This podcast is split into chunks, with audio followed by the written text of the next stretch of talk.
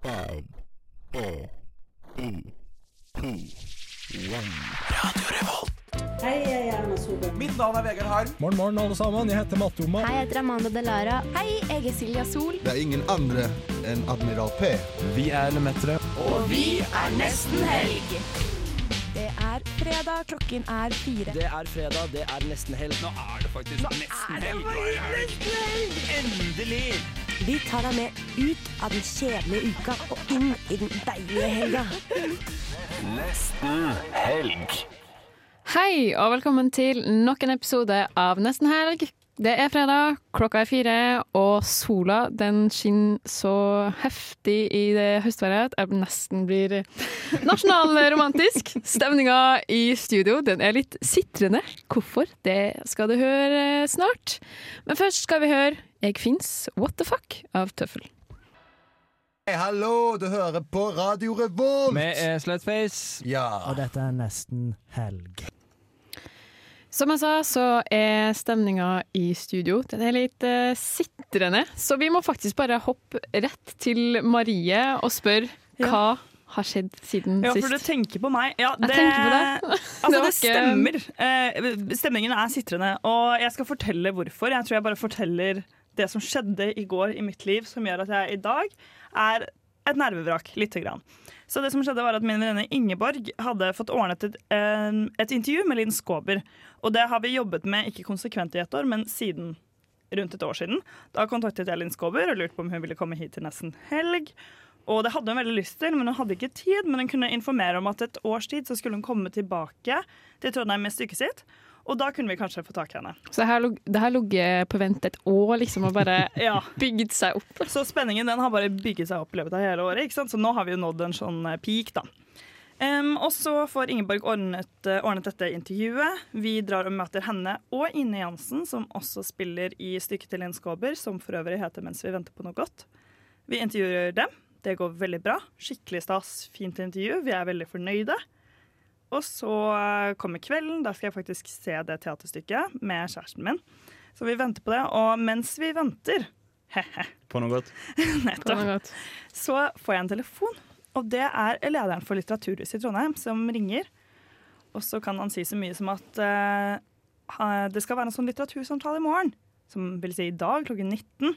Mellom Linn Skåber og Ine Jansen, hvor de skal snakke om dette stykket. da. Men han ordlederen har dessverre måttet melde frafall. Eh, Men så har Linn Skåber fortalt at det er to flinke folk fra Radio Revolt som intervjuet dem. Og kanskje de kunne steppe inn som ordledere.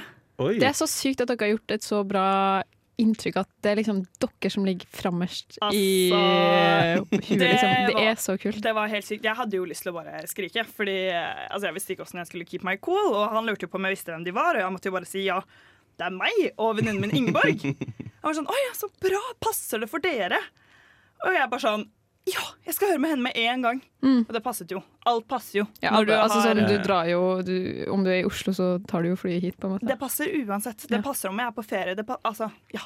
Eh, jeg skulle jo faktisk ha en innflytningsfest. Eh, den skal jeg fortsatt ha, men jeg kommer, jeg kommer for sent til min egen innflytningsfest, og det tenker jeg er helt OK. Rett og slett. Eh, så det har jeg gjort siden sist, og det er jeg også litt nervøs for. Derfor drar jeg også litt tidligere fra dagens sending. Eh, og dere skal også selvfølgelig høre senere i denne sendingen det intervjuet som eh, Ingeborg og jeg hadde da, med Inni Jansen og Linn Skåber. Så hvis du ikke får mulighet til å dra på litteratursamtalen, så bør du i hvert fall høre det. Eh, -hmm. men hvis du har tid til å dra på den også, etter du har hørt gjennom selvfølgelig hele sendingen fra start til slutt, så har du mulighet til å gjøre det klokken 19. Og jeg tror det er utrolig interessant å bare høre liksom, deres tanker, og deres tanker om det her. Og så var det en liten fugl som hviska meg i øret om et, en promo...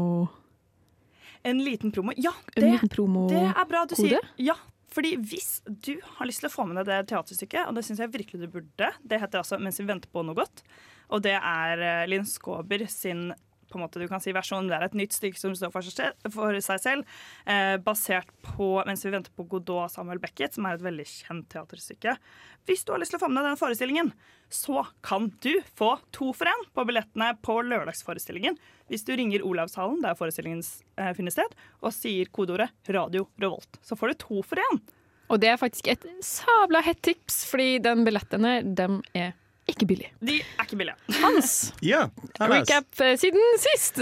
Altså, det blir jo fort en ganske lang recap. Jeg lurer på om vi fort må tilbake til sånn 2016-2017, eh, sist jeg var Ja. gjest i Nesten Helg. Ja, kan ikke du ta en, sj- hva, Ta en recap. hva- ta en recap på de her årene, årene i stikkordsform? Årene i stikkordsform. Det vil du ha. Uh, OK, skal vi se. Vi begynner litt mørkt. Depresjon. Faen, ass. Det må. Det kommer alltid inn. Begge deler. Mørke. Oh. Avgrunn. Det hører med. Covid. Covid. Et plutselig lysende morgengry.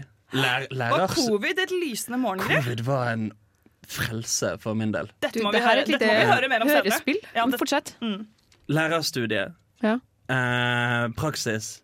Gode venner. Good times, gode, gode vibes, god stemning. Fantastisk. Slutt, ferdig på jobb. Tilbake til studentlivet. Wow. Det er når du, når du For- tror filmen er ferdig, men så kommer det Så er den bare halvveis. For Det en var recap det- det var. Ja, ja, ja. Jeg bare følte jeg fikk 1000 oppfølgingsspørsmål. Vi må komme tilbake til noe av det senere i sendingen. Vi må komme tilbake til det her, men aller først skal vi høre 'Drug Me' av eh, Dodgy Obams. Hei, jeg heter Ine Jansen, og du hører på Radio Revolt.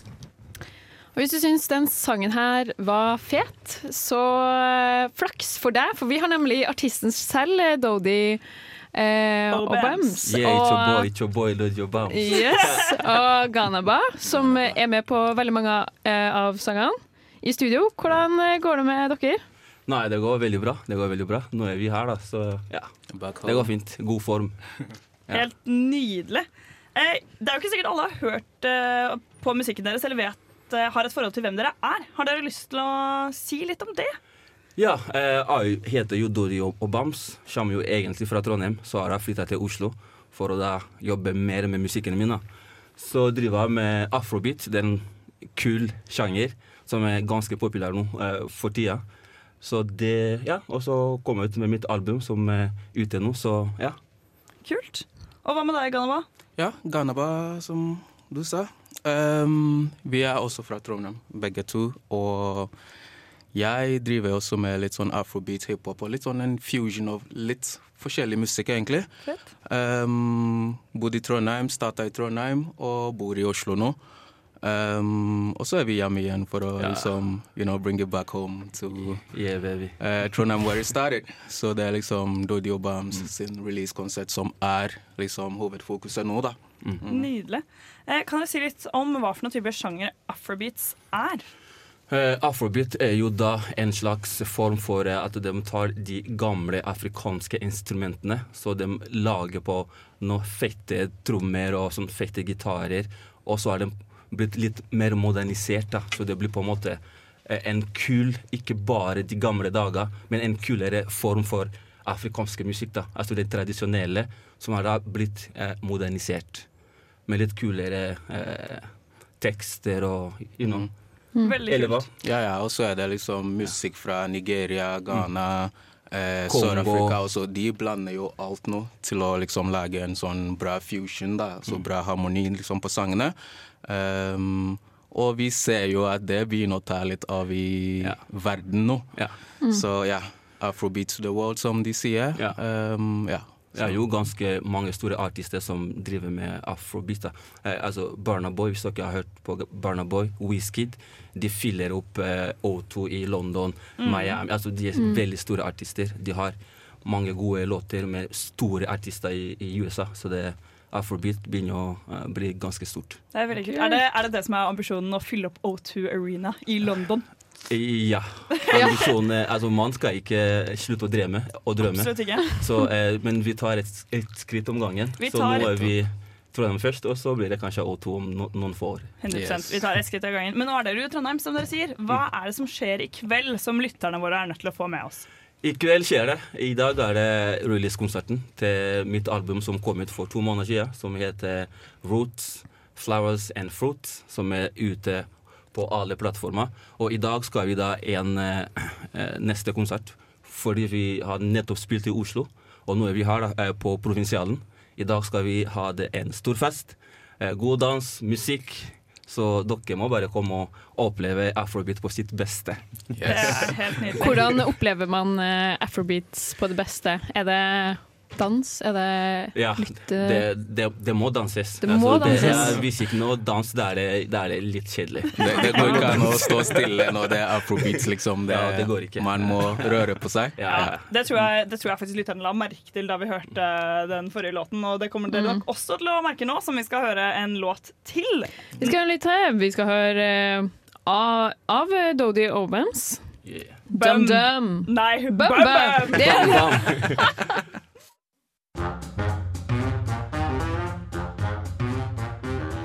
Jeg tror jeg heter Lars Berrum, og jeg vet at du hører på Radio Revolt. ja, ja, ja. Nå er, nå, nå er det bare å høre videre. Nå kommer det mer. Nå, nå kommer det mer. Nå kommer det mer.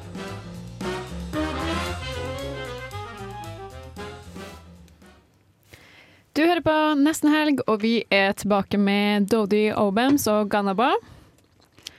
Og vi har snakka om eh, Fordi dere spiller på Provinsialen i kveld. Ja. Vi, når, hvilket klokkeslett? Eh, Vi åpner døra klokka ni. Klokka ni. Og så regner vi at eh, DJ Kiki, som er en av de beste DJ-ene i Oslo på akkurat afrobeat, hun skal da ha på meny en god uh, lunsj med afrobeat fra ni Eh, til bekl- be, det er ikke meningen å avbryte. Den mikrofonen eh, funker ikke helt. Kunne du tatt og delt mikrofonen med Ghana der, så skal jeg prøve å fikse det. Litt tekniske problemer bak her, men i hvert fall Provinsialen i kveld. Det, det hører med litt Med- eh, tekniske problemer. Nå er litt headset-skifting her, og så nå er det på G igjen. Nydelig. Sånn, nå virker begge mikrofonene. Back In the game. Yeah. Ja, så som sagt så åpner vi døra klokken eh, ni. Eh, da starter DJ Kiki, en av de beste DJ i Oslo, som skal da ha på meny afrobeat. Og så blir det da show fra rundt ti ish. Ja. Veldig, veldig kult. En ting som jeg tenkte på, Mm. som dere sikkert den observante lytter registrerte når vi hørte på låta her nå, er at dere, eller du synger jo på litt forskjellige språk. Hvilke Jeg språk er det du synger på? Uh, jeg kan en god del språk, så Ja, kan du ikke liste opp hvilke språk kan du? Jeg kan norsk, som sagt. Kan engelsk. Jeg kan fransk, jeg kan swahili, jeg kan lingala, jeg kan litt kirundi, kinyarwanda, litt sånn litt her og der. Og bruker du alle disse forskjellige språkene i låtene dine? Så langt har jeg ikke Altså, så langt har jeg brukt fransk, engelsk, swahili og lingala. Fri, fire språk. Så langt. Det er ikke dårlig. Nei, det er ikke. Men én ting er at det gjør jo at det er litt vanskelig for sånne folk som f.eks. meg, eller i hvert fall Mm. Nora, som har hatt spansk på skolen, å forstå hva du synger om. Har du, har du lyst til å dele med oss hva er det f.eks. sangen Bum Bum handler om? For eksempel Bam Bam. da. Eh, Bam Bam, det er på en måte Man snakker om hvor fin hun er, da. Altså hun dame. Mhm. Eh, Men hvordan sier man det? Å, hun er så Bam Bam Ja, you, you know the bam, you know. Bam. so er bam, bam. You know the bam. Så det er ikke bare én bam, men det er to Bam the bammer, så det er bam bam. Så jeg synger ofte om, om kjærlighet, egentlig. Altså det er, jeg føler at det er enkelt å skrive om kjærlighet for min del. Så det går veldig mye på kjærlighet og på en måte praise the ladies, you know. Gotta give the lady the crowd, you know. The crowd and all that. Det støtter vi selvfølgelig Ja. veldig mye som mm. kvinner. Men kommer vi til å høre noe, eh, noe fra deg på norsk i fremtiden? Jeg jobber med saken, eh, fordi eh, jeg har en kompis som også spiller med oss i kveld, Mats Tidemann. Eh, han er også fra Trondheim, som har gitt meg utfordring at jeg må lage noen låter på norsk. Fordi han sier at jeg er jo en norsk artist, og da må jeg på en måte ha noe på norsk. Og da jeg har det på planen, eh, så jeg jobber med saken. Det kommer garantert til neste år. Det hadde vært veldig kult. Ja. Jeg ser frem til å høre liksom en sånn engelsk, swahili, fransk, norsk fusion i en låt. Ja, det, det- tror jeg du blir nok den første. Nei, jeg tenker språk kan man bruke jo hvordan man vil egentlig. Fordi man trenger egentlig ikke å forstå hva du sier, så lenge musikken er bra. Altså, det er mange som hører og digger Sean Paul. Mm. Men du forstår ikke hva han Nei. sier halvparten av tiden. Så Det er liksom Musikken må snakke, da. Det er så sant. Og hvor mange folk finnes det ikke som aldri hører på teksten uansett? Som er sånn Ja. «Nei, Jeg bare digger til musikken, liksom Mm. melodien. Altså. Viben er kul. Ja. Men for eh, lytterne som har tenkt seg på konsert i kveld, Ja. hva, hva kan man forvente av uh, scene performance? Eh, hva kan man si? Eh, jeg kan bare si at de som kommer, de kommer ikke til å bli skuffa. Fordi eh, show, det, altså scenen er der jeg tilhører egentlig. Så Så de som kommer, skal ha en eh, veldig veldig god opplevelse. Det blir en heftig show. Det kan vi garantere. Shit, så kult. Det er der man vil eh, tilbringe fredagskvelden, med andre ord. Yeah. Yes. Og så lurte jeg på, dere har en del sånn ganske populære musikkvideoer. Hvordan eh, Er det du som eh, står for produksjonen her, eller får du en visjon mens du lager låtene? Eller hvordan funker den prosessen? Det er egentlig begge deler. Fordi når jeg skriver mine låter, så har jeg allerede visualisert hvordan det ser ut. Ja. Fordi når jeg skriver, så vet jeg ok, der står jeg på gata her. Der er det, jeg vet hvordan hun ser ut. Men Ja. det, det er kun tanker. Mm. Og da snakka jeg med, med director. Da. Så du, den skal være sånn.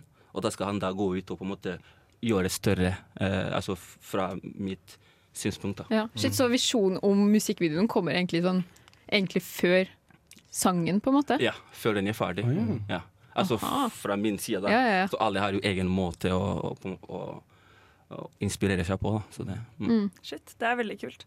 Um, og så lurer jeg på en ting, fordi Du snakket jo litt i sted om den sjangeren afrobeats. Yeah. Og så lurer jeg på, Hvordan var det du kom på at du ville lage musikk innenfor en sånn sjanger som tross alt ikke er veldig utbredt i Norge, da, Mm. for Eh, fordi Før så laga jeg mer sånn pop og R&B.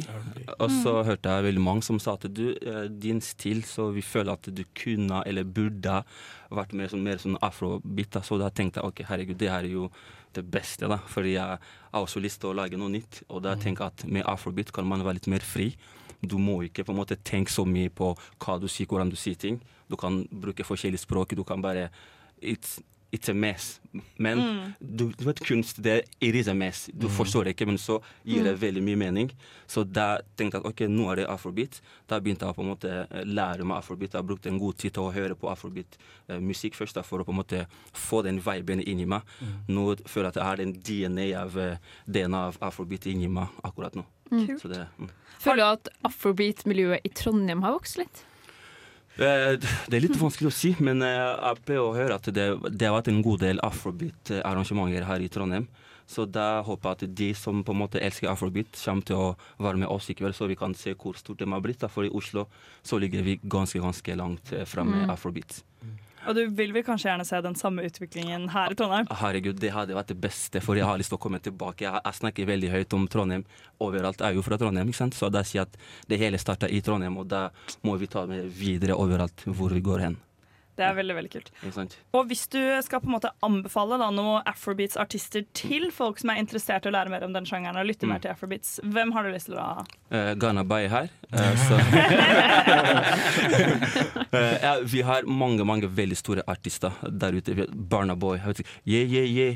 Yeah, yeah, yeah, yeah, yeah, yeah, yeah. yeah. Aha. Yeah, yeah, yeah. Aldri hørt om? Nydelig, da fikk vi Hei, live. vi fikk en liten, uh, en liten live performance der. Så, så der er Barna Boy, vi har Wizkid, vi har Davido, vi har Diamond Platinums. Det er veldig, veldig mange. Metre Gims. Det er veldig mange store artister. Den har jeg faktisk hørt om. Yes! Ja. Hei, Marie. Det var stort i Frankrike. Det var Afrobeat. Marie. Shit, men det høres ut som eh, man har litt å ta i, da, hvis man uh, syns det her virker litt interessant. Ja. Og så må vi jo bare også tipse om Provinsialen i kveld. Yeah. Nine o'clock, be there for Tidenes show og Yeah. Oslos beste DJ på Yeah, kjøpet. DJ Yes. Eh, vi må si tusen takk for eh, besøket. Du, takk vi selv. gleder oss til å se dere i kveld. Vi skal høre 'Tjukken' av eh, Mac Magnus og, Sim og Simon Alejandro. Hei, det er Thomas Seltzer her. Du hører på Nesten Helg på Radio Revolt. Som dere kanskje fikk med dere i introen, så har vi jo med oss eh, en Hans. Hallaus. Og Hans eh, han er jo ny i Nesten Helg, men han er jo ikke ny i eh, Radio Revolt. Du er jo med i D-pop, og vi kan jo ikke ha en sending med deg i studio og ikke snakke om D-pop. Hva er D-pop? Du, D-pop er det programmet som jeg er med i. skulle jeg si. Vi, lager, vi prøver å lage en slags improvisert radioteater. Basert på Dungeons and Dragons. Hva er Dungeons and Dragons, Hans? Dungeons and Dragons er et veldig nerdete type rollespill, hvor du sitter og triller terninger. Og det er Altså Du kan på en måte se for deg at det er som når du sprang rundt på skoleplassen og lekte sånn «Å, nå, er jeg, 'Nå er jeg eh, Legolas, og nå skøyter jeg med pil og bue'. Nei, det gjorde du ikke. Eh, det, det er bare at du har terninger og regler som avgjør om du faktisk skøyt noen eller ikke. Nettopp. Eh, det er fryktelig fryktelig gøy. Jeg trodde jo lenge Jeg har alltid vært en litt sånn nerdete kid. Jeg spilte mye dataspill og leste tegneserier og koste meg med fancy-bøker. og sånn, Men så tenkte jeg på en måte at det fins en, det en terskel jeg aldri skal krysse. Eh, jeg skal aldri begynne å spille World of Warcraft, og jeg skal aldri begynne å spille Dungeons and Dragons. Hvordan har det gått? Du, jeg har begynt med begge deler. Uh, dessverre. Så nå har jeg tenkt at neste, trinn, neste terskel jeg aldri skal krysse, er å drive med sånn larping. Hva er det? Word. Eh, Men det må dere fortelle meg om. Hva er larping? larping? det er sånn hvor du eh, løper rundt i en skog, for eksempel, og så leker, leker en at alle er en sånn middelaldersamfunn. Du, det driver de jo med så masse på festningen. Eh, det kan godt hende. gjør de sikkert. Jeg ser dem støtte stadig med sånn tresverd og Ja. rustning. Ja, ja, ja. Det er nok dem. Okay, Også- så det er neste terskel som du ikke må Som jeg aldri, aldri må krysse. Og så Men er som du kanskje ser neste år, da. Det ser ganske gøy ut. uh, så hvem vet, plutselig dukker jeg opp. Det står vel for live action roleplay, jeg er ganske Ja. sikker på. Ja, okay. Men eh, ja, for, hvor, for det lurte jeg på. Hvor fysisk er det her Dungeons and Dragons-rollespillet når dere spiller inn? i det hele tatt. Uh, du sitter typisk rundt et bord, Mm. og så har du, eh, du har en som er dungeon master, da, Mm. som er den som bestemmer hva som skal skje. Typ hvis du, eh, hvis du spør om eh, Hvis du har tenkt å slå det stygge trollet i fjeset, så er det dungeon masteren som sier hva du må gjøre for å få til å slå trollet i fjeset, og hva som skjer etterpå. Mm. Så hvis, hvis en har spilt dataspill, på en måte Så er dungeon masteren styrer spillet, og de andre styrer hver sin karakter i dataspillet. Da, på en måte mm. Det, altså, for å være helt ærlig, det høres jo egentlig utrolig morsomt ut. Det er veldig gøy, og det er veldig, det er veldig sånn det blir så gøy som en gjør det til. Uh, for det er jo i bunn og grunn lek. Ja. Eh, på en måte mer organisert lek. Så det blir jo til at eh, enkelte er jo litt sånn her at de bare er der for å trille terninger og skyte pil og bue og bruke magic spells osv. Og, så og det er for så vidt det er helt greit, det òg. Men jeg syns personlig det blir mye gøyere hvis du går litt inn i rollen. Hvis du tenker Mm. ja, jeg er den vesle gnomen Sjanglebarth. Ja, eh, som er skal sant. hevne sin avdøde elsker eh, som ble drept av en demon eller et eller annet sånt. Det er det, men det er også sånn man ender opp på festningen, da. Men, Ja, eh, det- men det, trenger, det trenger ikke å være negativt, det. Det trenger ikke å Det være er en negativt. slippery slope. Det er, det er kanskje en slippery slope, men jeg syns også det bare virker sånn herlig frigjørende å kunne liksom få litt sånn Altså, det var det en klok person som sa en gang, jeg husker Mm. ikke hvem, men at Fortell. kreativitet det fungerer best hvis den har noen rammer. Så hvis du er sånn bare, bare finn på noe gøy, så blir man sånn å, herregud. Ja, ja, ja. Men hvis det er sånn, bare finn på noe gøy, men dette og dette og dette må med, så er det mye lettere å få liksom, kreativiteten til å florere. Og det samme føler jeg med Dungeons and Dragons. At det er Mm. sånn et spill, det er noen premisser, det er noen ting som du må gjøre, men så kan du legge inn så mye av deg selv, og liksom så mye sånn improvisasjon, liksom skuespill, innlevelse. Ja, men Word, jeg har tenkt så masse på hvor, hvor lite man leker. hvert fall som stud eller sånn, Det starter føler jeg, sånn virkelig på ungdomsskolen, tar seg skikkelig opp på videregående. Blir kanskje litt bedre enn på eh, universitetet. At man, man leker så sykt lite som Ja. voksen, på en måte. Og det er jo egentlig sykt viktig bare for å ha det morsomt, for å føle en liten eh, gnist, da, på en måte. Og det er jo liksom Jeg føler Hvis man skal tørs å leke som voksen, så må man ha de her rammene, ja, som du snakker om. Det mest hjerteskjærende øyeblikket jeg har lest i en bok noensinne, er i en svensk bok av en eller annen som heter noe sånn Jon Alfide Lundqvist, eller noe, Mm. som heter 'At håndtere de udøde'. Eh, som er en sånn svensk zombiebok, basically. Du sa det Hvor- veldig fint på svensk, det må jeg bare si. Mm. Er, Tusen du svensk? Nei. Litt? Nei. Nå, eh, nå føler jeg meg fornøyd. Men der er det en fyr da, hvor eh, barnebarnet hans har dødd, dødd. Og så finner han i baksetet på bilen sin Så finner han en uh, leke som han kjøpte til barnebarnet, som han skulle få til bursdagen, men det ble aldri noe av siden han døde. Og så innser han jeg kommer aldri til å leke igjen Oh, når barnebarnet mitt er dødt. Jeg har ingen andre barn i livet mitt. Jeg kommer aldri til å leke igjen. Og hadde han kjent deg, så hadde Så han skulle vi klart å ordne det! Unngå den skjebnen. Hør på D-pop. Vi skal høre på Under the Spell av Ultraflex. You love your mother. Lots of us do. But not in that way.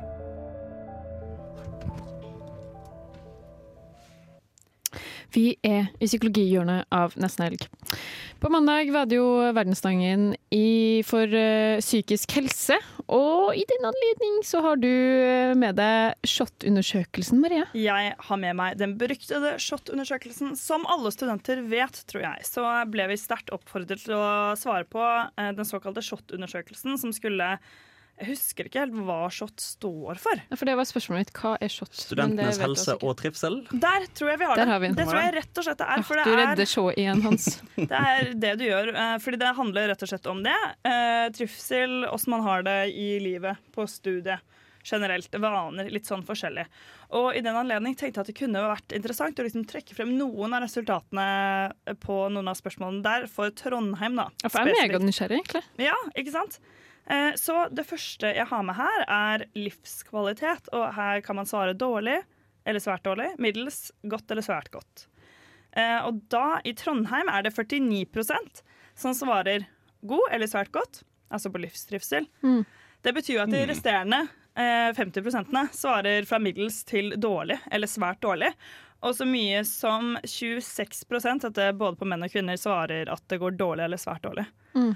Og det er jo 26 ikke 26 ja. Ja, det er jo ganske, det er jo ganske Mm. masse, da. Men vet du noe om hvordan det her er i forhold til andre byer?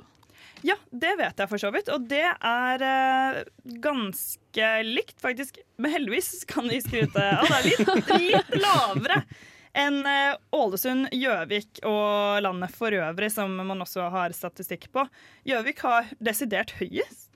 Høyest, eh, Høyest trivsel er misnøye? Der er det flere. Men det gir jo Jeg kjørte forbi gjennom Gjøvik. I sommer. Jeg bare, det, det, det, I hodet mitt gir det mening gir på alle mulige måter. Men. Jeg syns det bare var litt synd, Fordi jeg har jo en far som er fra Gjøvik. Oh. Jeg er veldig stolt over det og har litt lyst til å flytte tilbake. Og jeg tror jeg må slå ham på tråden og si at det tror jeg ikke du skal gjøre. De må få seg stupetårn, de òg, så blir det bedre. Det har de. det har de, og der stupes det masse nå om vinteren. Nei, tulla.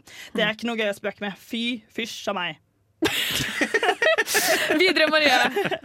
Vi går videre. Nei, men Det er jo påfallende da, det må jeg jo bare si, at det er flere som svarer at livskvaliteten er dårlig, eller svært dårlig eh, på Gjøvik, enn eh, som svarer at den er god eller svært god, og middels. Mm.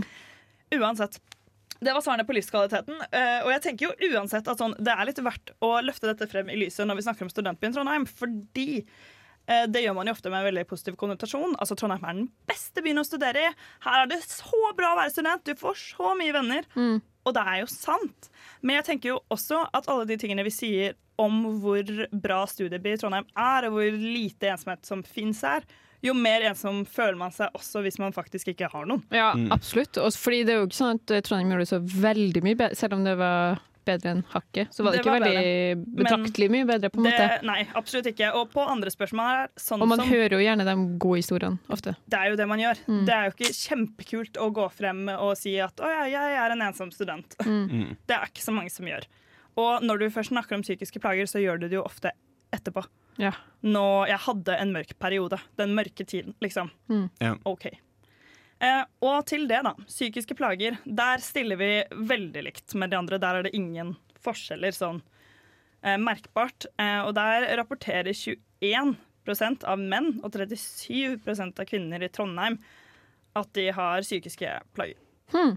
Men det er jo også på en måte sånn Hvis man tenker på psykisk sykdom som sykdom, så gir jo det også mening at det er jo ikke alltid liksom eh, ytre faktorene som kan bestemme det, på en måte. Sånn i forhold til andre studiebyer. Det er sant. Det, det er jo ikke så lett å si hva som gjør det. Um, og det er jo liksom sånn Altså, hva skal man si? Heldigvis det å oppleve noen psykiske plager er jo ikke noe farlig, og det kan jo være veldig sånn flyktig, på en Mm. måte. Det er jo ikke nødvendigvis en lidelse, og det er en naturlig del av livet, men det er i hvert fall på en måte et tall Jeg tenker at man kan ha litt sånn i bakhodet når man går rundt og møter folk, at det faktisk er en del som har det litt vanskelig. Og at man må møte folk med et åpent sinn og være vennlig og grei så mye som man kan. Mm. Eh, for det er ikke sånn kjempelett å være student. Det tror jeg vi alle kan skrive under på. Nei.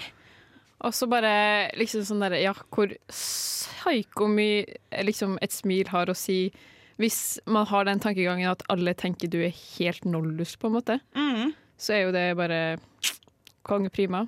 Absolutt. Og, ja, ja, men det er jo faktisk det. Og jeg tenker egentlig i hvert fall nå som høsten kommer. Sånn, Mm. det, jeg føler det er et velkjent fenomen at sånn, høsten er verre hvis du har det litt vanskelig fra før. Mm. Den er på en måte vanskeligere for folk generelt ofte. Mm. Eh, Vinterdepresjon er jo en ting. Det er jo en ting. Det er jo veldig en ting, og det merker man i hvert fall her i Trondheim. I hvert fall hvis man er eh, fra lengre sør, sånn som eh, du og jeg, Hans. Mm. At det er fucking depressing! Det er så lenge det er mørkt her. Ja. Yeah. Ja, det blir ordentlig mørkt om vinteren. Ja, ja. Ja, ja, ja. Jeg har jo jeg snakket om det på radioen tidligere, men jeg har en sånn seasonal effective disorder-lampe som jeg stirrer inn i nå om høsten og vinteren. For å liksom holde depresjonen på en armlengdes avstand. Mm. Ja.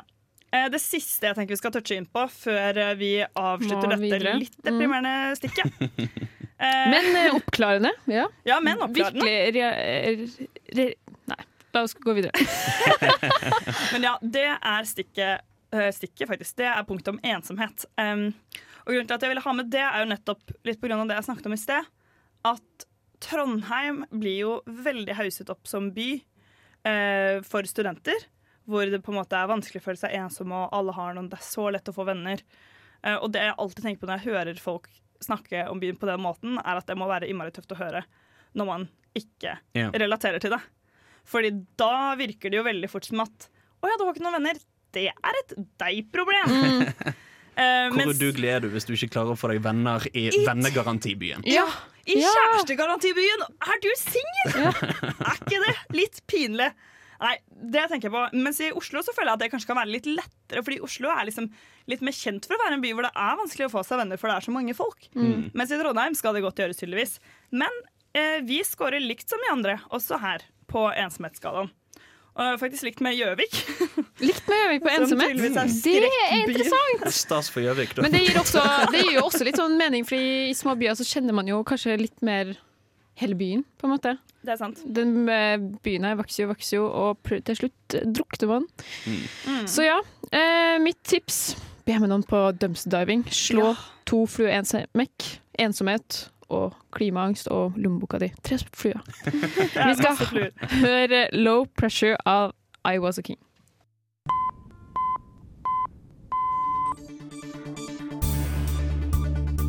This is breaking news brought to you by Almost Weekend here at Radio Revolt.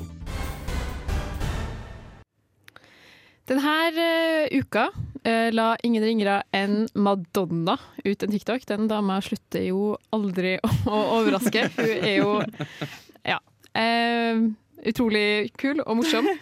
Men eh, uka her, ja, lagt ut en TikTok der hun eh, eh, Hun har en rosa truse i hendene. Danser, eh, Se for dere, hun har en rosa truse i hendene. Ganske sånn svær truse.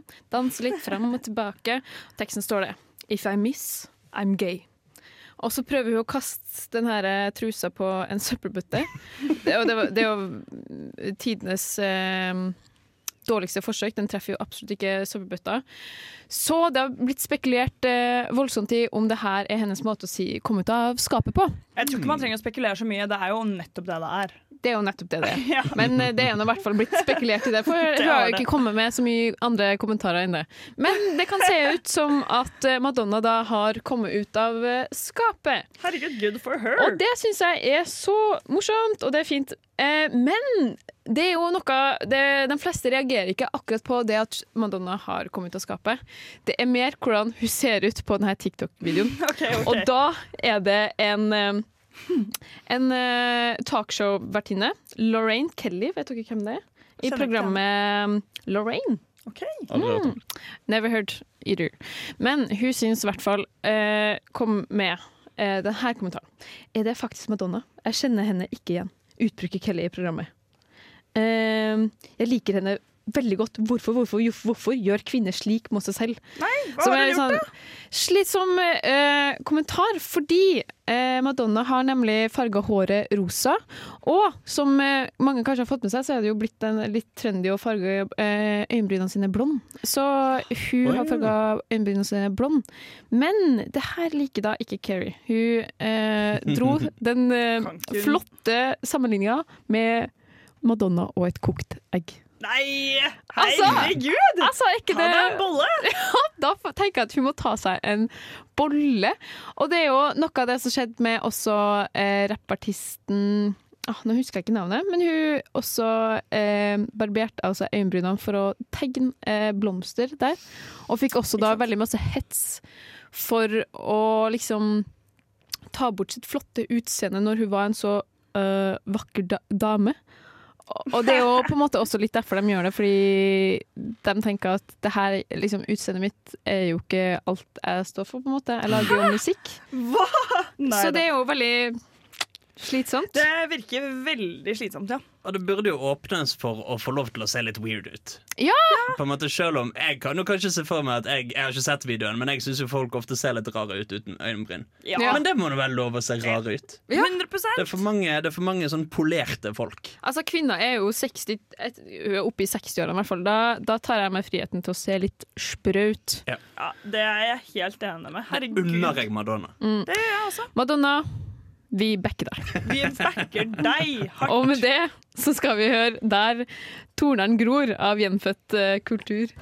Hei, jeg heter Linn Skåber, og dere hører på Radio Revolt. Og Linn Skåber er jo aktuell med teaterstykket mens vi venter på noe godt. Og Marie, du har jo intervjua selveste Linn Skåber eh, nå på onsdag. Det har jeg. Det var ganske stort. Jeg skal ikke lyve. Linn Skåber er jo et idol for mange, meg selv inkludert. Mm. Eh, og hun har skrevet et stykke som jeg så i går, som heter 'Mens vi venter på noe godt', som er innmari, innmari bra. Eh, og det er eh, på en måte inspirert av eh, Samuel Beckets stykke 'Mens vi venter på Godot', men det er en helt, et helt nytt stykke for det om. da. Og grunnen til at hun bestemte seg for å gjøre det, var fordi hun ville sette opp 'Mens vi venter på Godot' med sin beste venninne og medskuespiller Ine Jansen. Og da fikk hun høre at det stykket kunne ikke settes opp av to kvinner. For det har Samuel Beckett bestemt i sin tid. Og. Samuel Becketts nevø han tenker jo at denne arven må jo selvsagt videreføres. Ikke noe kvinne skal komme her med sine kvinnelige Nei. Tolkninger. Æsj av meg. masse følelser og klær han- og Ja, sminke inn i stykket. Åh. Så han sitter vel og Han følger vel med på om det er noen, som, noen kvinner som prøver seg? Det er akkurat det han gjør. Ja. Det er faen meg det han jobber som. Det Å følge med.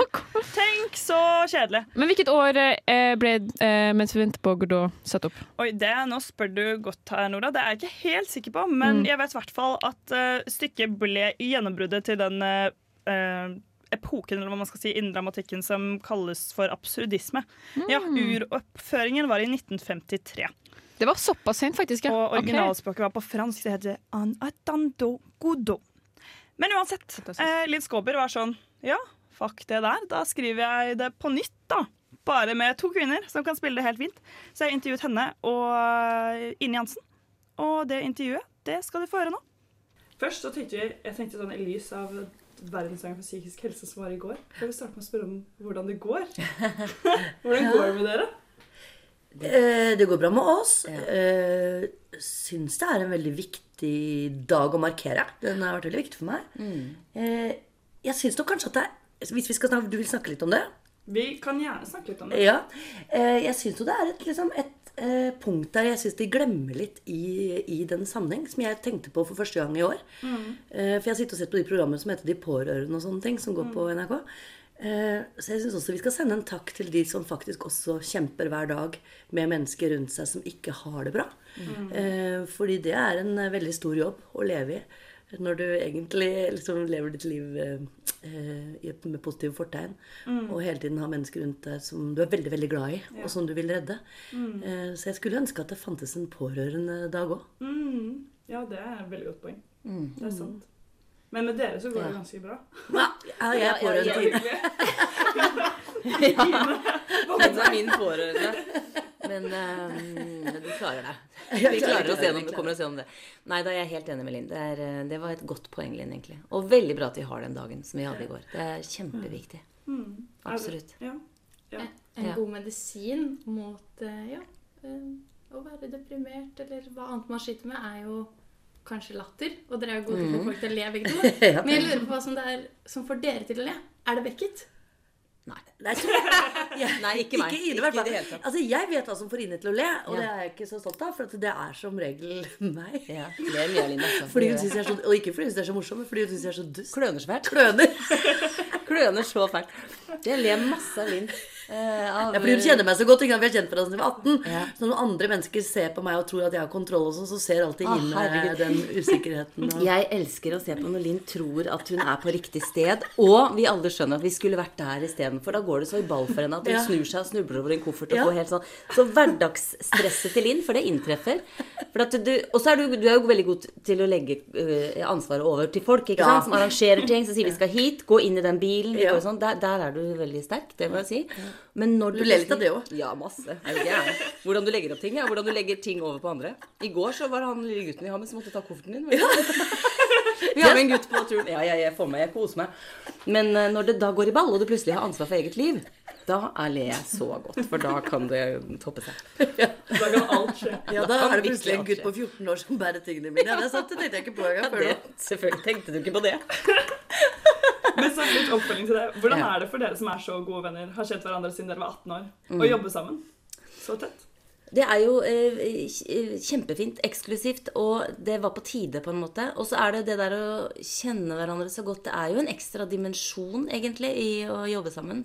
Både når man liksom eh, Dette stykket her, eksempel, eller alle stykker, men eh, absolutt dette stykket også, som har sine utfordringer. eh, fordi det er eksistensielt også, samtidig som det er humor. Og det er liksom ikke en sånn familie om to jenter fra A til Å. Det er mer. Det ligger på et annet plan, da, vil jeg si. Så er det utfordringer med å løse det scenisk. Og da, når man kjenner hverandre så godt som vi gjør, så er det lettere å hoppe forbi høflighet og eh, Ikke at vi snakker Ja. så hardt men det sammen, men, altså, sånn- men det er mange lag som man kommer fortere til kjernen av hva det er. Og hvis man er uenig, så sier man det skjønner jeg ikke, det er ikke enig med deg. Og det er og, men jeg har jo, Vi har jo flere venner, men det er lett med Linn. da. Det har alltid vært lett med Linn. Jeg er veldig trygg på Linn. Og sånn sett så er det veldig godt i arbeidet. Mm. Hva føler dere at det på en måte tilfører stykket at dere kjenner hverandre så godt fra før? Nei, jeg er helt enig. Jeg må bare henge meg på det med Ine. Det er at du kommer fortere i prosessen. Jeg er veldig glad til å komme fort i prosessen. Forsøker å få den høfligheten vekk ganske fort i en arbeidssituasjon. Um, og når jeg sier høflighet, så tror folk at man er uhøflig, men det mener jeg ikke. altså. Det er liksom bare det der ekstra skallet på at man liksom snakker til andre. Og når man jobber med teater, så er man nødt til å komme til kjernen ganske fort. Og den hoppa vi jo glatt over her fordi vi liksom har den derre ja, direkte til kjernen-energien vår, da. Og så vil vi hverandre vel, begge to. Det er, liksom, og det er en god ting å kjenne på. Ja.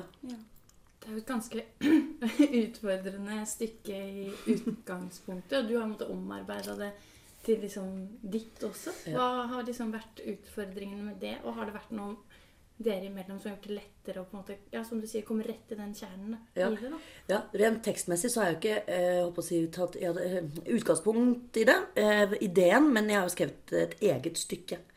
Eh, et helt eget som står for seg sjøl, men liksom på en måte med, i samme stemningen som i Samuel Beckett stykke. da. Eh, fordi det er jo dette at kvinner ikke fikk lov til å spille det.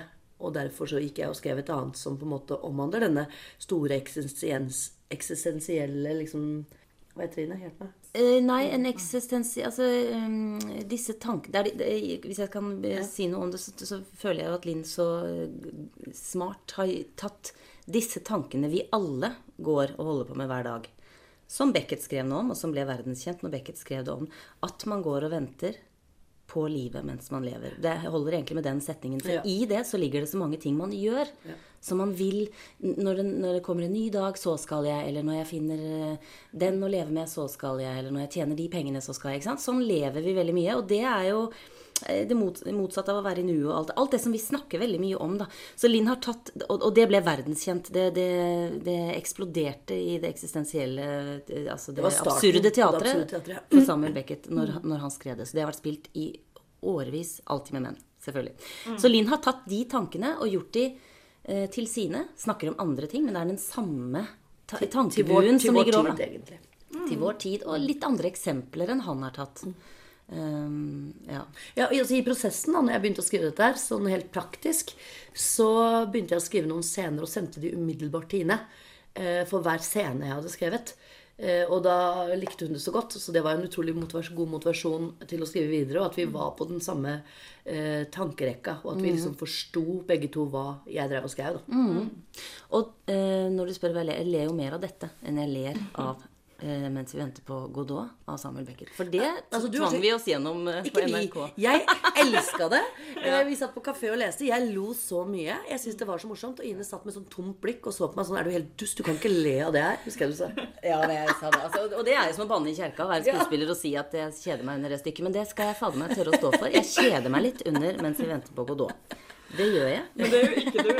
Nei. Ine er glad i det. Ja, det er jo der eh, vi ler litt av hverandre. da, For at jeg, Ine ler av meg at jeg elsker absurdismen, og hun forstår av og til ikke hva jeg ler av. Og jeg ler av Ine fordi hun blir så forbanna når jeg ler av det. For det blir hun irritert av når hun ikke forstår det. Men hva er det du tror du liker så godt med det, da? Absurdismen? Jeg, jeg liker den, eh, den følelsen av å ikke være så trygg. Eh, Det å ikke vite helt liksom Én pluss én skal ikke alltid bli to. Jeg syns at én pluss én plutselig skal bli sju. Det er noe gøy med det som jeg syns eh, Nå bare kom jeg på siden jeg sa tal- Ja. I stykket så skal jeg si sånn Men tenk på alt vi venter på, da. Mens vi venter på bussen, f.eks. Og så har jeg skrevet mell mellom fem på halv og ti på halv. Uh, og, motsatt, og da sier jo Ine bare Men hvorfor skal du si fem mellom fem på halv og ti på halv Ja, For det er artigere. Det er mer spennende, liksom. Og da, da er vi i gang med akkurat Da er vi i gang med den lille der. detaljen som Ja, irriterer. ikke. Artig. Mm. Ja, så dere tar liksom inn eh, Linn og Ines følelser om mens vi venter på Godot, inn Det- i mens vi venter på noe godt. Det gjør vi. Det. Det gjør vi også. Absolutt. Det er også et lag inni det. Du bør ikke ha sett mens vi venter på Godot for å forstå dette stykket, for vi gir hele forklaringen eh, i stykket Mm. på hvor vi ikke, at vi ikke har lov til å være her, egentlig. Så du driver egentlig bare og terger Ine på Ja, litt, prøver faktisk. å provosere henne? Det er også sant. Og så er det jo litt Det kan virke litt privat, det stykket. Mm. Eh, og så er det ikke så privat i det hele tatt som folk tror, da. Så vi tillater oss å bable om alt mulig rart, og så kan folk sitte igjen og tenke 'Å, gud, er det sant? Er det sant?' Ja, for vi kan si at det er noe sant, så kan du lure på hva som er sant. Ja, og det er nok noe helt annet enn folk tror er sant. Ja. Vil jeg tro. Ja. Okay. Ja, hvorfor virker det privat? Fordi vi for det første kaller hverandre Vi sier vel Linn og Ine, og så um, Ja. Det er liksom om livet til eh, Som er nå, liksom. Man gjenkjenner livet som er nå. Og da er det jo lett å tenke at det er vårt liv. Ja. Og noen steder er det virkelig det. Og jeg må jo si at inni meg så er det, vil jo den der liksom følelsen av vårt liv ligge fordi jeg skriver det. Mm. Som jeg tror det vil gjøre i alt jeg gjør, egentlig. Mm. Og tiden vi lever i. Mm. Og så litt på sånn den eksistensielle tematikken. Så lurer jeg på, i og med at mens vi venter på Godot bare kunne spilles av menn, Mm. tror dere menn og kvinner har litt sånn forskjellige eksistensielle problemer? Det, det tror jeg absolutt, men jeg tror mye av det krysser hverandre også i større grad enn vi tror. Mm. F.eks. dette med at um, det som har vært så mye diskusjoner nå med kvinner og opera, operasjoner og det å på en måte ville leve ung lenger i land og sånne ting. Mm. Satt i et sånt panel her forleden med en filosof som kunne adoptere det totalt til seg selv. Ja. Som ikke dreide seg om operasjoner, men det, det, det, det dreide seg for han om at han napper ut grå hår. At man vil eh, ikke sant? Så vi, vi har jo denne, dette ønsket om å leve lenge eh, i Mm. landet og i livet. Så på en måte så krysser nok de tingene hverandre veldig, samtidig som det kommer ut på forskjellige måter som blir litt kvinne- og, kvinne- og manneting. da. Mm. Men jeg tror nok i det hele at vi er mennesker som har de samme behovene og de samme kompleksene og de samme Ja, jeg tror du har rett. kampene. Mm. Er det forståelig for dere at Beckett sa nei, dette stykket mitt skal bare spilles av menn, eller er det helt uforståelig? Altså, For det første det er litt feil å si, for jeg har også sagt det, men det, det var det at um, eh, karakteren i stykkene hans skulle ikke skifte kjønn. Ja. Så? Men han har skrevet mest for menn, så denne problemstillingen her du kommer eh, mest tilbake til. Jeg forsto selvfølgelig ingenting av det, og- jeg gjør vel ikke det ennå. Men jeg snakket med en forfatter som skjønte han godt. Ja. Hun intervjua meg og måtte innrømme at hun hadde hatt trøbbel med hvis hennes bok, som er for skrevet fra et kvinnesperspektiv, skulle en, at man skulle sette opp med en mann, mann i hovedrollen. Um, med alt jeg har skrevet og alt jeg har gjort, så har jeg alltid likt at ting forandrer seg i hendene til andre. Ja. Så der er nok jeg eh, litt annerledes kanskje enn forfattere. Jeg er kanskje mer en dramatiker, sånn sett. Ja, og du sitter jo på begge de der hestene, da, at du Ja. både skriver og spiller. Men jeg har nok tenkt det sånn at, når man, at det er to forskjellige ting. At scenekunsten må få lov til å være selvstendig i forhold til eh, forfatterkunsten eller eh, når man skriver. Så når man har skrevet noe, så fins jo det verket. Men hvis man skal gi det videre til et teater, så må man gi det fra seg. Ja. Og så må skuespillere og regissører og lysdesignere og scenografer sammen lage, ta det verket og gjøre veldig mye som de vil med det. Eh, Så jeg har, jeg har ikke den respekten for eh, Ibsen selv. Henrik Ibsen sa det. Min, mine stykker skal alltid spilles i forhold til sin samtid. Ikke sant? Og da er det språk man må forandre. Vi skjønner ikke alt det der Det fenger ikke så innmari godt det, måten han skrev sine ting på. Vi må oversette det. Vi kan ta vekk ting. Vi kan smådikte videre. Og lage nye forestillinger, sånn at vi kan henge med de nye. For vi går jo videre hele tiden. Livet går jo videre. Så jeg skjønner ikke han. Jeg syns det er konservativ tenkning, selv om han var veldig nytenkende. Beckett, så det er pussighet over det. Men jeg syns definitivt man skal ta en tekst og gjøre det man vil med det. Både skuespillere når man får det. I hvert fall så- som dramatikk, som Ine sier her, for det er så mange faktorer som gjør at et stykke blir til. Ja. Ja. Har dere, vært, har dere vært irritert på at han liksom skal ha Selv fra graven så skal han diktere dere? Ja, jeg blir mer irritert av og til på etterkommere ikke sant, som sitter på dette, og som eh, eh, Det gjelder i forskjellige steder i kunstens verden, men det er klart det er ikke alltid de er kunstnere og har de samme tankene som de som uh, Spiller det? Ja, nei, nei, jeg tenker på de som skrev det. Uh, de ble jeg mer irritert på, fordi at eh, man må liksom skjønne hvem det mennesket var. Mm. Han var begynnelsen av absurdismen, så jeg tror han hadde syntes vært rart at det skulle være så konservativt, det som skjer nå. At han er blitt litt mistolka, nesten? I, på en måte, Ja, jeg er usikker. Jeg kan ikke si det, for jeg har ikke lest testamentet, så jeg vet jo ikke. Eh, kanskje han ble sur og gammel mot slutten. Ja, det er det, altså. Det er et ganske rart paradoks å Mm. være så nytenkende og så konservativ samtidig. samtidig. Mm. Men også kan man, kan man si at det er litt eh, selvopptatt. Eh, Kan jeg tre- strekke meg så langt og si at mitt verk skal alltid få lov til, og ingen er bedre enn Ikke sant? Ofte så kommer det jo, når det kommer nye folk til, eller andre huer til, så kan man jo gjøre det til noe annet enn det er, på en måte. Eller kjenner du som er forfatter? Nei, jeg du- kjenner det veldig. Altså, jeg, jeg, jeg bare har lyst til å liksom referere til stykkene mine, men det er ikke så mange. liksom. Så, men, men jeg har i hvert fall opplevd, siden jeg var 20-åra og skrev for andre, så opplevde jeg at eh, jeg aldri har vært skuffa. Jeg har blitt veldig overraska. Liksom. Sånn, Jøss, gjorde dere det? Eller valgte dere å ta vekk den og legge til den? liksom, og sånne ting. Prinsippet mitt er at jeg ikke får lov til å legge til. Altså, det må jeg si at det, Ja, det skjønner jeg. Ikke, for Da plutselig er det ikke stykke om mine tanker. Så jeg har sånn prinsipp at bare ta vekk og kast opp som en gæren baby i lufta, pleier jeg å si, og fang den igjen og, og la den ha vokst. Eh, så jeg er veldig takknemlig når folk gidder å gjøre det, da, bruke sine tanker på mine ting. da. Mm. Så jeg er nok helt motsatt av Beckett der, ja. Og så er det jo også det med når du publiserer, når du gir det fra deg, så er det jo på en måte ikke ditt lenger. Jeg er helt enig. Det blir skuespillerne sitt og leserne Ja. sitt, og de som vil gjøre noe Mm. videre med det. Riktig. Helt riktig. Men uh, bare for å gå litt mer inn på stykket um, I Beckett sitt skuespill så venter de jo på denne Godot som aldri Ja. kommer. Hva eller hvem er det dere venter på? Uten å røpe alt sammen, da, selvfølgelig. Det, det morsomme det er jo forska så mye på dette hvem, eh, hvem Godot er. da. Det er mange teorier på det. Eh, det eneste han har sagt, er vel at det ikke er Gud, faktisk. tror jeg han har sagt. Eh, men hva er det? Eh, det var noen som mente at eh, han var så interessert i sykkel eh, i Tour de France. Og han ene syklisten der het Godau eller noe sånt. tenk. Godau eller et Så sto det en gjeng, ja. Så sto det en gjeng og venta. Så noen mente at det var så Eller for at når de da kommer, så er de jo borte på ett sekund. Ikke sant? Selv om han har adoptert det til livet. Det er mange teorier på dette.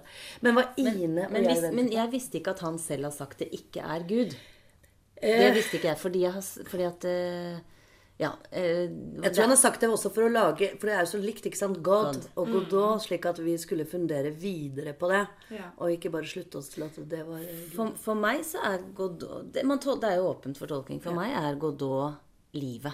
Og det kan være Gud. Eh, og jeg mener Jeg husker jeg, altså jeg har har en pappa som har spilt i dette stykket for uh, lenge siden. Og han sa eh, det er Gud. Så var det derfor jeg stussa når du sa at Nei da, jeg, jeg kan godt hende jeg tar feil det. Men jeg bare husker at det var et eller annet forvirring rundt det med Gud og hvem er det og sånne ting. Og jeg tror det er så lett for oss å tenke God. Ja, ja, ja, sånn, ja. Men Eh, Gud, da blir det så religiøst igjen. ikke Det er sant? akkurat det. Men, men, eh, så, så at, eh, men jeg kjenner jo det igjen. Det er jo veldig tydelig for meg, som vi sa i starten her nå, at folk venter på noe. Eh, Man vil hele tiden videre. eh, Og vente på noe nest, rundt neste sving. Og imens vi venter på noe godt, så har du jo denne budbringeren som kommer hele tiden og sier at han kommer ikke i dag heller. Han kommer i morgen. Han Han kommer i morgen. Han kommer i morgen. Og den livskraften til disse menneskene. Om han kommer i morgen, ja! ja, og tror på det hver gang. Den syns jeg er veldig Ja, både det er morsom fint. og en Ja fin ting at de Ny, ny livskraft får være nye gode beskjed. Ja. Opp igjen. Opp igjen, ja. Og så ned igjen, da. Det er det som er litt dumt, da. Eh, så- Sånn er jo livet, da, vet du. Det er sånn livet er, ja. Det er noe med det. Ja. Men eh, vi er jo en studentradio, så mm. lytterbasen vår er jo i hovedsak studenter. Mm. Hva tror dere de kan hente ut av å se deres stykke? Eller ditt stykke? Og jeg har ganske mange unge venner, også noen som akkurat har vært studenter. Eh, akkurat nå er de helt ferdige og har begynt å jobbe. Og en av dem fortalte meg litt om det her forleden. Og jeg gjenkjente sånn den følelsen jeg ikke har tenkt på på mange år. Fordi det å være student er på en måte som å være på fart fremover. Mm. Du trenger ikke tenke så mye. altså for at Drivkraften din er så i deg, og hver hverdag du gjør, og det i eksamen du skal ta, osv. osv. Mm. Mens da du kommer inn i den jobben, som det var for meg når jeg ble skuespiller Jeg har sett fem ganger på teaterskolen, plutselig var jeg skuespiller. Og så ble jeg helt tom. For det var akkurat som om jeg var ved målet. Og jeg gikk på prøvene på teatret, og alle skulle hjem klokka tre. Det hadde jeg heller ikke tenkt på. Alle skulle hjem til familie og spise middag, mens jeg var vant til å jobbe til elleve. Så jeg, var, jeg ble sånn Akkurat som tiden plutselig sto stille, da.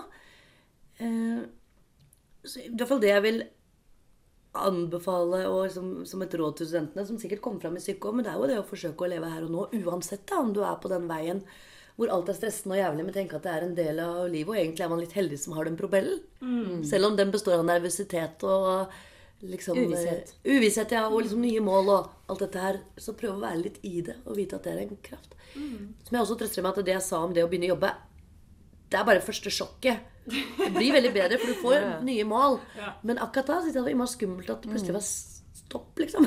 Mm.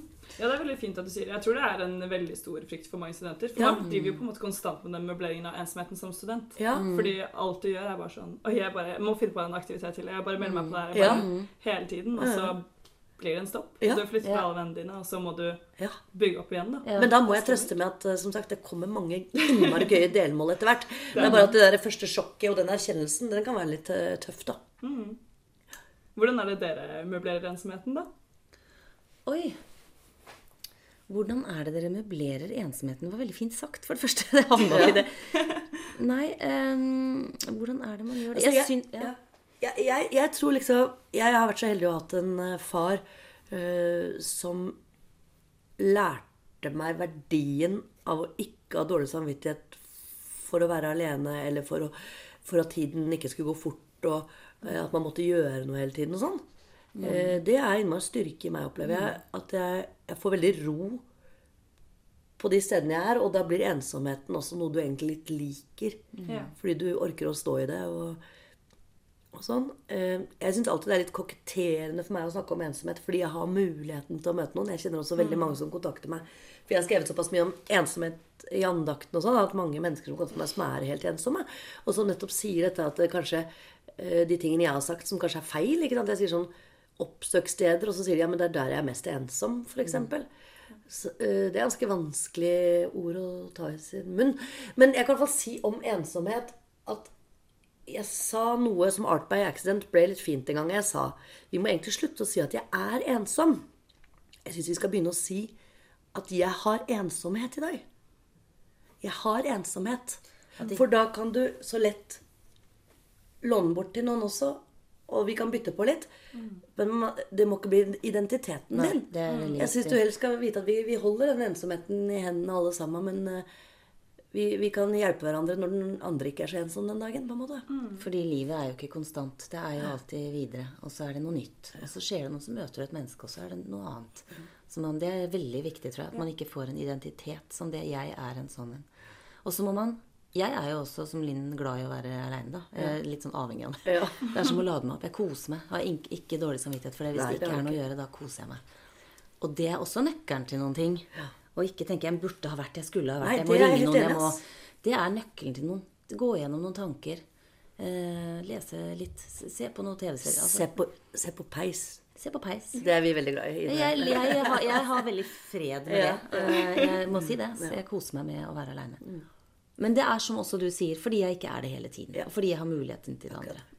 Og så er det den, kanskje den distinksjonen mellom det å være alene og det å være ensom. Ja, det er veldig stor Eh, forskjell. og så liksom stor forskjell. Loneliness og solitude, eller hva man kan bruke Mm. på Ja, engelsk. det- har et bedre ord for det. Men at det er deilig å være alene fordi det er en mer sånn selvvalgt posisjon. Ja, ja. Og som dere sier, dere er privilegerte og har den muligheten til å oppsøke eh, det sosiale, da. Eh, Men, Jo, men samtidig, ensomheten Samtidig kan det Ja. være viktig å dyrke den òg, som du sier, Linn. At det, du må ikke se på negat ensomheten som en nødvendigvis negativ Nei. følelse. Akkurat det. Og så må man vite at det, det fins folk som har det sånn. Man er ikke aleine om det. Ikke sant? Når man, kjenner det, når man kjenner noe selv, så kjenner antageligvis veldig mange andre noe sånt også. Tror du Beckett var ensom? Eller følte på det? jeg, Det kan nok godt være. Men du vet sånne typer som han, som plutselig blir sånn uh, mystisk og absurd i Paris i den tiden han levde. Tipper at det er ganske mange som ville oppsøke han, og som ville være i nærheten av han. Så jeg tipper han måtte velge det selv i så fall. Det ble en, han brukte det bevisst som en identitetsmarkør, kanskje? Kanskje. Ja, jeg føler noen kunstnertyper kanskje setter litt mer pris på den ensomheten Ja. enn eh, alle det Ja. Mm. Jeg har kjøpt meg hytte på en øy for liksom å dyrke det litt kunstneriske i meg.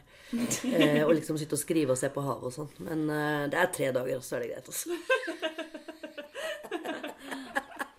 Prøvde lenge ja, liksom, å få floker i håret og være en sånn. Men eh, jeg må inn en tur til byen, jeg. Innimellom. Det får være lov. Men eh, Ine og jeg har snakka om det, og apropos det dere spurte oss om i, i stad, med liksom sånn trenger unge mennesker etter psyke, så tror jeg at vi liker i hvert fall å ha studenter og unge mennesker i salen. Det syns jeg er veldig stas. Så jeg tror vi kliner til, rett og slett, og gir et studenttilbud til lørdagens forestilling. Vi har to stykker, vi må se hvor det er billetter. Med to for én. men, da, men da må de ha et kodeord, da. Eh, og, oh, ja. og da sier du kode, radio Kodeordet er Radio Revolt. Ja. Radio Revolt. I ett ord. I ett Radio ord. Revolt. Så da ringer, da ringer man Olavshallen og sier det kodeordet og får to for én. Herregud, det er jo Jeg tror det er ganske fullt på første, men jeg tror det er noen igjen på andre. Så bare sett i gang og, og bestill billetter hvis dere vil komme. Det har vært veldig hyggelig. Ja, Det vært veldig hyggelig. det tror jeg de setter pris på. Det er nok mange som vil komme. Jeg tror, eh, altså Mens vi venter på Godot er jo fortsatt ganske populært stykke i seg Ja. Og det er jo på en måte dere òg, jeg skal ikke lyve.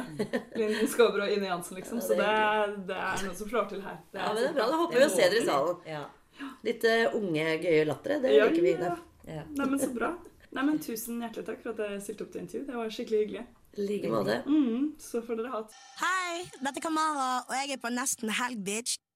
Oi, jeg er skikkelig sånn eh, eksistensiell aura. Altså Snakk om eh, kloke, men morsomme damer som bare eh, Ja, klarer å si så mye klokt bare på stående fot. Ja, virkelig. Det er to damer som rommer mye og har mye på hjertet. Så jeg sier det jo bare igjen, hvis det er noen av dere som lytter på nå, som har lyst til å høre mer av hva disse kloke damene har å si, så er det jo bare å tune inn på Litteraturhuset klokken 19. Billetten koster 150 kroner for studenter, så det er ikke all verdens. For å bli for å spe på. 150 kroner. Ja, fra panelsamtalene. Ja. Nettopp. Og så får du spedd på med litt sånn livsvisdom, rett og slett. Mm. Og så syns jeg, apropos ensomhet, som vi snakker litt om i forbindelse med den SHoT-undersøkelsen, er jo, synes jeg det er veldig fint det Linn Skåber sier om at man kan si at man har ensomhet. Mm. Heller enn at det er liksom en sånn tilstand som dominerer hele deg. Mm. Fordi ensomhet er jo veldig, kan jo egentlig være veldig flyktig. Man kan jo føle seg veldig ensom en dag, Mm. og det kan være helt eh, liksom, urelatert til antall venner eller Ja. Sånne ting. Og hva man sier om seg selv, eh, blir jo veldig sånn Du identifiserer deg jo veldig på en måte med det. Hvis du Mhm. sier sånn Shit, ja, jeg er ensom.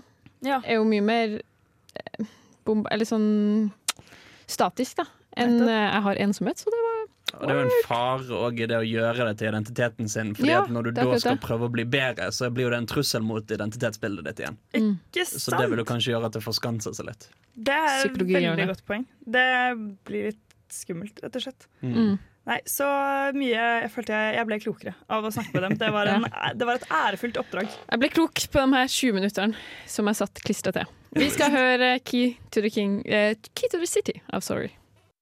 Jeg er Jonis Josef, og du hører på Nesten Helg. Du er tilbake på nesten helg. Utafor vinduet er det noen som prøver å ta et gruppebilde som er bare Det var helt hilarious. Veldig akrobatisk. Veldig akrobatisk. Men Hans, du har fortalt meg Fordi vi hadde, litt sånn, vi hadde litt sånn godteri før sending, men det skulle ikke du ha. Du var på en health grind. Jeg er på en health grind. Kan ikke du fortelle litt sånn eh, hva, hva innebærer denne health grinden? Nei, Altså, jeg, jeg skal ikke overdrive for mye, det skal jeg ikke. Men eh, jeg har jo generelt gjennom livet, gjennom mine 28 år på denne kloden, eh, ikke tatt kroppen veldig på alvor. Mm, hva Eh, vil jeg si? Jeg har aldri egentlig trent noe særlig. Mm. Punktum. Eller giddet å drive med noe idrett eller noe sånt. Og så har jeg en eh, veldig god kompis eh, som heter Kunne du funnet på å ta bussen ett stopp for å ikke gå? Nei, så ille er det faktisk ikke. For det er Eh, Men nei, ok. jeg, jeg er mer Nei, hva skal jeg si? Jeg, jeg har vært mer slapp enn lat. Mm. At det er ikke Det er ikke det at jeg alltid velger liksom den letteste veien å gå. Men det har aldri vært en prioritet for meg og at kroppen skal være noe noe en bryr seg om. Jeg har vært veldig sånn her, Nei, nei, det er bare det inni hodet som har noe å si. Ja. Eh, inntil da en kamerat av meg, Jan Markus, eh, tok tak i meg og bare sånn Yo, vi skal ikke gå, begynne å gå litt på tredemølle. Og så gjorde vi det, og så var det veldig gøy. Og så nå har vi begynt å begynt, Du syns det var gøy? Det er veldig Ok, gøy. nice. Ja, Ja, ja, fordi jeg har begynt med sånne, sånne belte, sånn pulsbelte som måler pulsen din. Og så går det sånne eh, intervaller da, hvor jeg skal opp i puls og ned i puls og opp i puls og ned i puls. Tar sånn, Hallo, apropos sånn lek og liksom games. Det er kanskje litt sånn videospillaktig? det er litt det. Du skal nå da et eller annet nivå. Jeg gidder ikke jogge, da, så jeg går på tredemølle og så skrur jeg opp sånn stigning, så det blir som å gå bratt. Mm. Og da er det sånn, så må jeg følge med sånn Ja, ok, hvis jeg går på 15 graders stigning, da går jeg opp i kanskje sånn 175 i puls.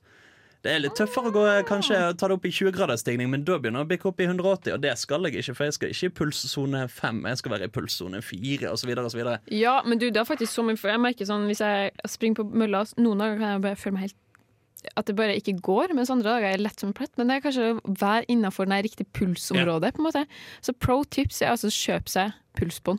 Ja, det kan jeg anbefale. Også, Ok, Men Anna annet enn å gå på mølla Nei, nå har jeg begynt å trene styrke.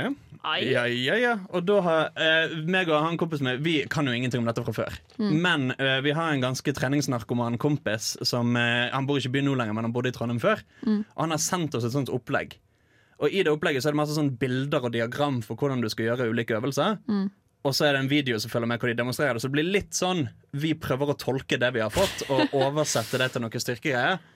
Eh, men vår tanke har liksom generelt vært så lenge vi har vondt dagen etterpå, så har vi gjort noe riktig. Nice. Jeg begynner å tenke på sånn der Mormora mi har begynt eh, jeg, Plutselig så møtte jeg på hun Jeg vet at hun er medlem av Trete. da Mm. Møtte på hun på treningssenter eh, en gang, og det var bare en oppvisning i seg selv. For hun også var sånn at Jeg hadde fått et treningsprogram, men tolka det litt med sin egen, eh, egen, eh, med sin egen vri. da Mm. Så er det jo blant annet apparat der du har en stang som du trekker ned. Ja.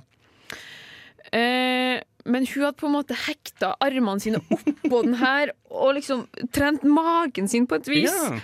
Og det var, det var noen sånne bevegelser. Det er, jo, det er jo litt morsomt å være på treningssenter og bare se på karakterer også, er det ikke? Jo, men det er jo òg den store frykten min.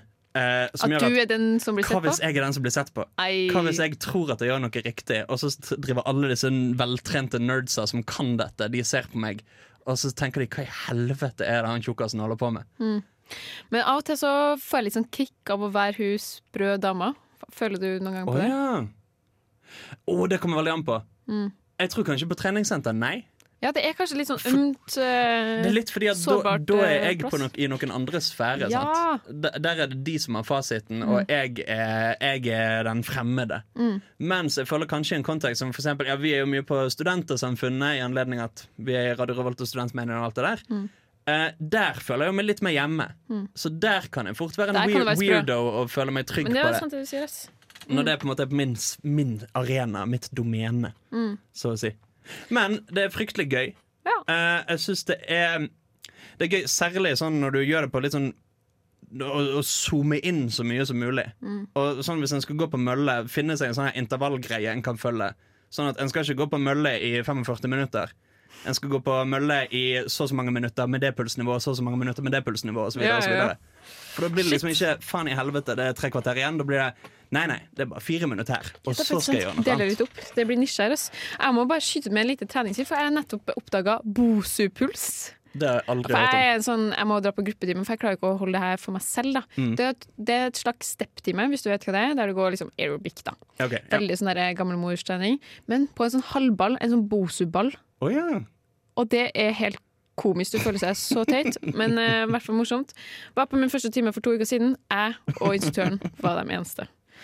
Så det var min historie. Vi må, vi, vi må videre i programmet. Vi skal høre på Tic Tac av Mona Musser. Morgen, morgen, alle sammen. Jeg heter Mattoma, og du hører på Nesten Helg. Vi har vært på Trøndelag Teater nok en gang. Um, har sett teaterstykket Don Juan. Alltid like stas å komme på Trøndelag Teater. Uh, veldig sånn derre elegant aula. Føler at jeg er 40 pluss velstående kvinne som nipper litt til eh, et glass eh, rødvin, så det er jo litt gøy å drømme seg bort. Her kommer Ja da. Altså Vi har jo skikkelig bra nå. Kvinnebedårer, Pikenes Jens, Casanova, Fuckboy. Don Juan er en kulturhistorisk legende som har dukka opp i utallige varianter etter Tirso de Molinas versjon i 1630. Ole Johan Skjelbrei har denne gangen merga alle sammen til en mer modernistisk Don Juan. Altså han har trukket fram elementer fra så mange utgaver som han har kommet over, men ikke eh, en modernistisk vri. Don Juan har rosa, kortklipt hår, smykka av kjettinger og perler, et lite nonsjalant eh, blonde skjørt og høye hæler. Han har et utrolig mørksminka blikk og den skjødesløse kroppsholdninga til Jo eh, Saberniak, som da spiller John Don Juan, tillokker seg det meste i rommet. Scenen er mytisk og erotisk, men også dystopisk og ironisk, med en eh, trøndersk touch. Don Juan forfører dattera av en høytstående adelsfamilie og dreper så faren.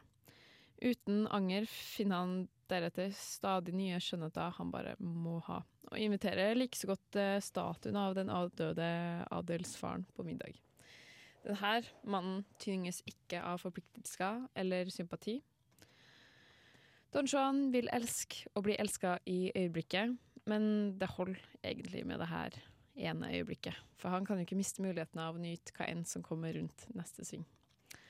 I en slags kronisk utfyllelse av ethvert tomrom med kortvarig og overveldende kjærlighet fra omverdenen, manipulerer han seg latterfullt eh, frem. Og det er det her makthierarkiet som er utrolig interessant å se i det her stykket. Nei da, ikke meg du skylder takk. Den skylder bare din egen skjønn. Ja, du hørte kanskje jeg har en del kontakter på Slottet? Du burde jo gå i studio, komme deg på TV og tekste for Du snakker altfor fint for meg. Jeg vet ikke hva jeg skal svare engang.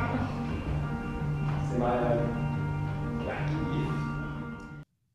Med et komisk råblikk og overdrivelser ser ikke det, det her stykket bare på eksistensielle tema, som forpliktelsesvegring, men også på en eh, ganske aktuell tendens til å ta seg selv eh, svært alvorlig i en slags kvelende selvhøytidelighet. Man kan se en tydelig assosiasjon til tematikken i den populære spillefilmen Syk pike, som eh, har vært veldig mye på eh, kulturfronten i det siste. For individ, kreativitet og utførelse står jo ganske sentralt om dagen, og jeg er jo kanskje neppe alene om å tenke at jeg kanskje burde begynt med noe DJ-greier på si. Lydsporet er også med, med på å gjøre det her til en ambulant opplevelse. Og Anders Skille, som står for lydsporet, tar oss eh, gjennom både videospill, tekno, allsang og gitarspill. Vi får servert både Beethoven og Todd Terje.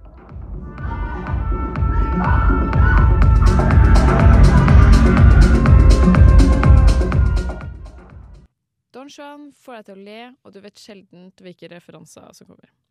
Det ubehagelig følelsesløse og høykultiverte setter en gjenkjent følelse av å være satt, blanda med litt vemmelse. Man finner en rekke av de her karakterene også utenfor teatersalen. I jakta på selvrealisering og det grønne gresset så skal man jo ikke settle for tida. Så med det så vil jeg si at Don Juan kanskje er mer aktuelt i mulighetenes marked enn det var for 350 år siden. Jeg er Jonas Gahr Støre, og dette er Nesten Helg. All right. Hans, yeah. hva skjer i helga?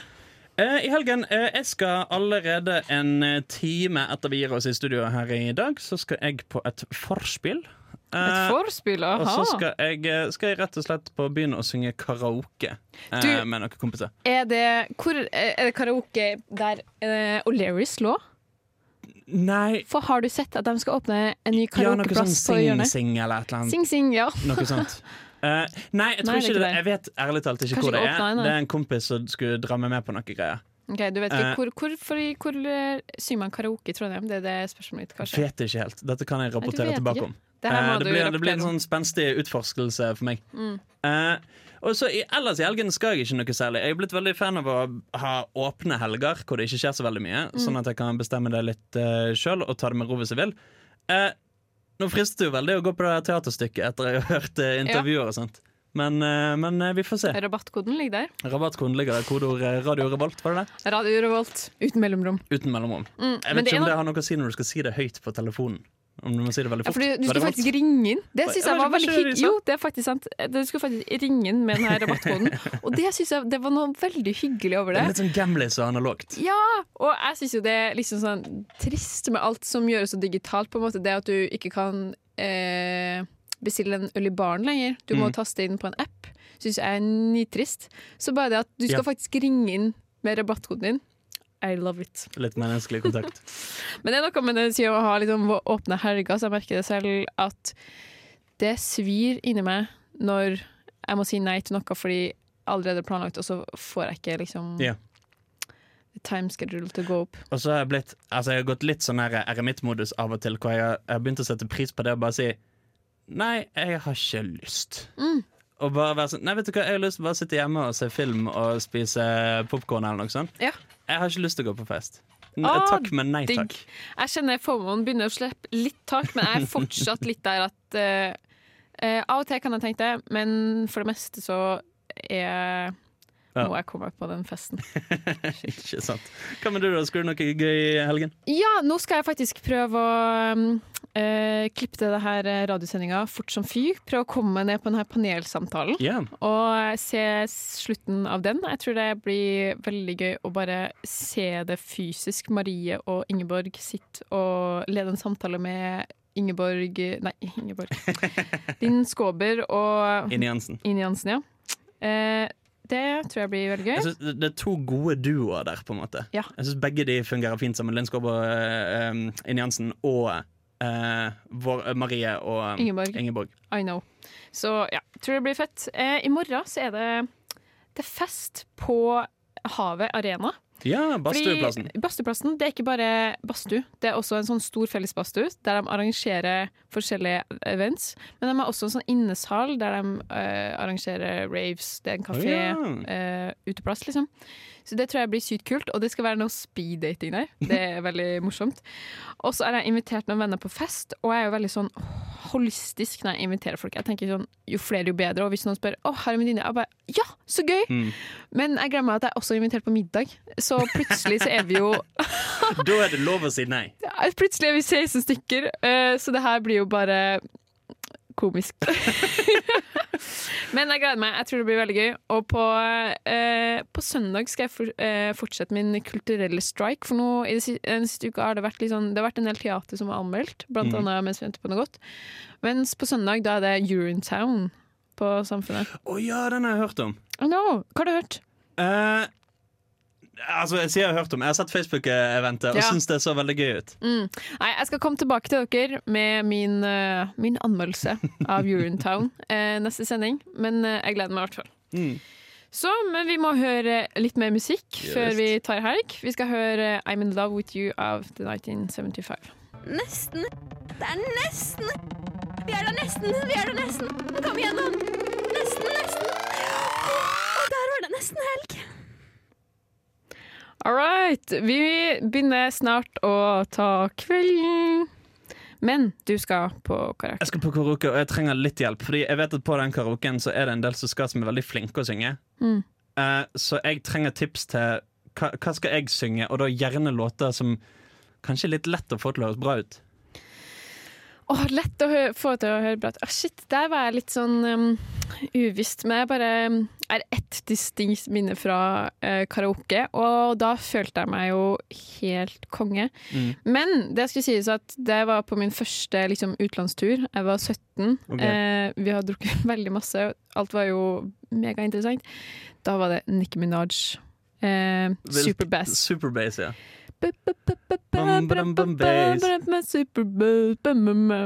Ja, jeg vet ikke hvor god jeg er å rappe. Jeg, jeg hører når jeg sier at det her There's one for the boys with the booty system, tap down AC with the cooling system. Et eller annet sånt. Herregud, jeg skulle ikke si Nå kjenner jeg at det her var et dårlig tips, men du kunne jo. Ja, så jeg skal, skal alltid bare snakke litt fort, ikke det, du. Ja, Men OK, hva har du tenkt, har du tenkt på? Jeg, min go-to er som regel I believe in a thing called love of the darkness. Mm. Eh, for den går litt sånn lyst, og jeg får av og til til å synge litt lyst hvis, jeg, hvis dagsformen er god. Mm. Uh, og da blir folk litt sånn wow, så lyst du kan synge. Ja. Problemet selvfølgelig er at det er sånn vanlige folk som syns det er veldig imponerende. Ja. Men hvis jeg nå skal være med folk som faktisk kan synge, så kommer de til bare å høre hvor eh, skingrende og falskt det blir. Men hva med den derre Fireflies? Er ikke det en sånn litt, litt lys, men, eh, Og det men er kan en gå mørkt? banger òg. Jeg liker den veldig godt. Alle jeg liker husker den jeg låten. så på den musikkvideoen alt etter jeg kom hjem fra skolen hver dag da jeg var liten. Ja, ja. Fireflies. I would not believe your eyes. A ten million fireflies wake up. Nei, Ja, det kunne gått. all right. Men du, da har vi det. Da har vi det. Men da er det bare én ting å si. Ja, hva, hva, Det- hva da? God helg. Tre Da er det bare én ting å si. God helg! Og så må vi få den gode helgen til å vare ti sekunder til. Helg!